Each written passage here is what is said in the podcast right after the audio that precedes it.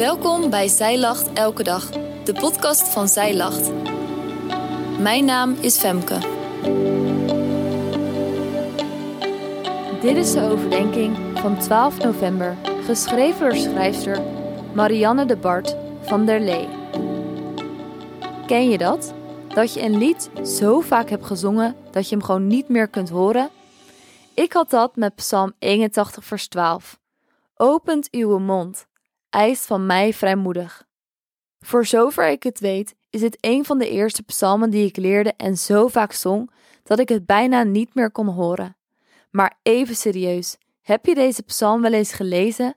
Het bevat een hele wijze les voor ons iedere dag. Als je de tijd hebt, lees dan eerst eens Psalm 81 helemaal. Deze psalm begint met een lofzang voor God, waarop een toespraak van God zelf voor het volk van Israël volgt. In Psalm 81, vers 7 tot 8 staat het volgende: Ik heb de last van zijn schouders weggenomen. Zijn handen hebben de manden losgelaten. In de benauwdheid riep ik u en ik redde u. Ik antwoordde u uit de schuilplaats van het donder. Ik beproefde u bij het water van Mirba, Sela.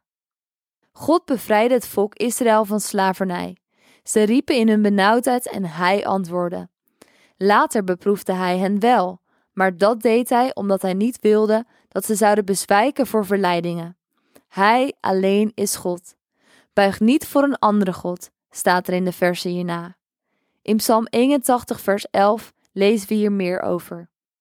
Mijn volk, zei ik, luister, en ik zal onder u getuigen. Israël, als u naar mij luisterde.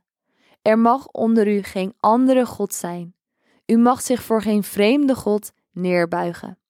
Ik ben de Heere, uw God, die u uit het land Egypte leidde. Doe uw mond wijd open en ik zal hem vullen. Wat een belofte van zegen in vers 11. Geen loze belofte, want God zorgt letterlijk voor voedsel in de woestijn. Maar mijn volk heeft naar mijn stem niet geluisterd. Israël is tegenover mij onwillig geweest. Daarom gaf ik hen over aan hun verharde hart, zodat zij in hun eigen opvattingen voortgingen. Dit staat in Psalm 81, vers 12 tot 13. Misschien herken je dit wel. De periodes waarin je alles zelf probeert te doen. Je wekker gaat, de dag begint en voor je het weet ben je al begonnen zonder God te danken. Instagram checken was toch net even verleidelijker. Of Netflixen tijdens een avondje vrij is vaak makkelijker dan je Bijbel pakken en tijd met God doorbrengen. En stiltes opvullen met scrollen door je favoriete online shops. Ik weet niet wat dit alles met jou doet, maar mijn hart verhardt naar een tijdje vanzelf. Ik ben ongeduldiger naar mijn kinderen, voel me vermoeider, mopper meer en verlies ook mijn vreugde. Hoe minder ik God zoek, hoe meer ik overgeleverd ben aan dat verharde hart uit Psalm 81. Maar in Psalm 81, vers 14 tot 17 staat: Och, had mijn volk naar mij geluisterd, was Israël in mijn wegen gegaan. In korte tijd zal ik hun vijanden onderworpen hebben en mijn hand gekeerd tegen hun tegenstanders. Wie de Heere haatte, zouden zich geveind aan hem onderworpen hebben, maar hun tijd zou voor eeuwig geweest zijn. Hij zou van de beste tarwe te eten gegeven hebben. Ja, ik zou u verzadigd hebben met honing uit de rots. Had Israël maar geluisterd, God had hen zoveel willen geven.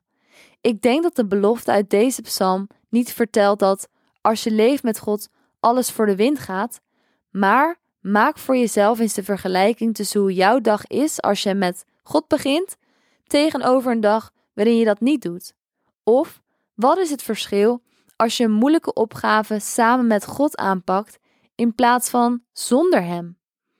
In korte tijd, in vers 15, laat zien dat je niet lang hoeft te wachten als je roept.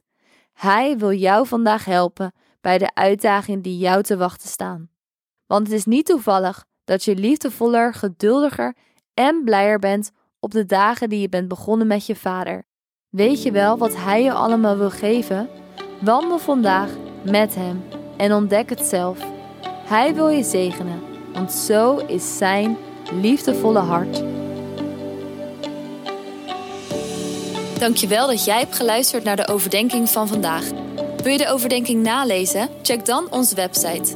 Je vindt er ook meer toffe dingen die jou helpen om de Bijbel vaker te openen, zoals boeken, Bijbels, cursussen en evenementen.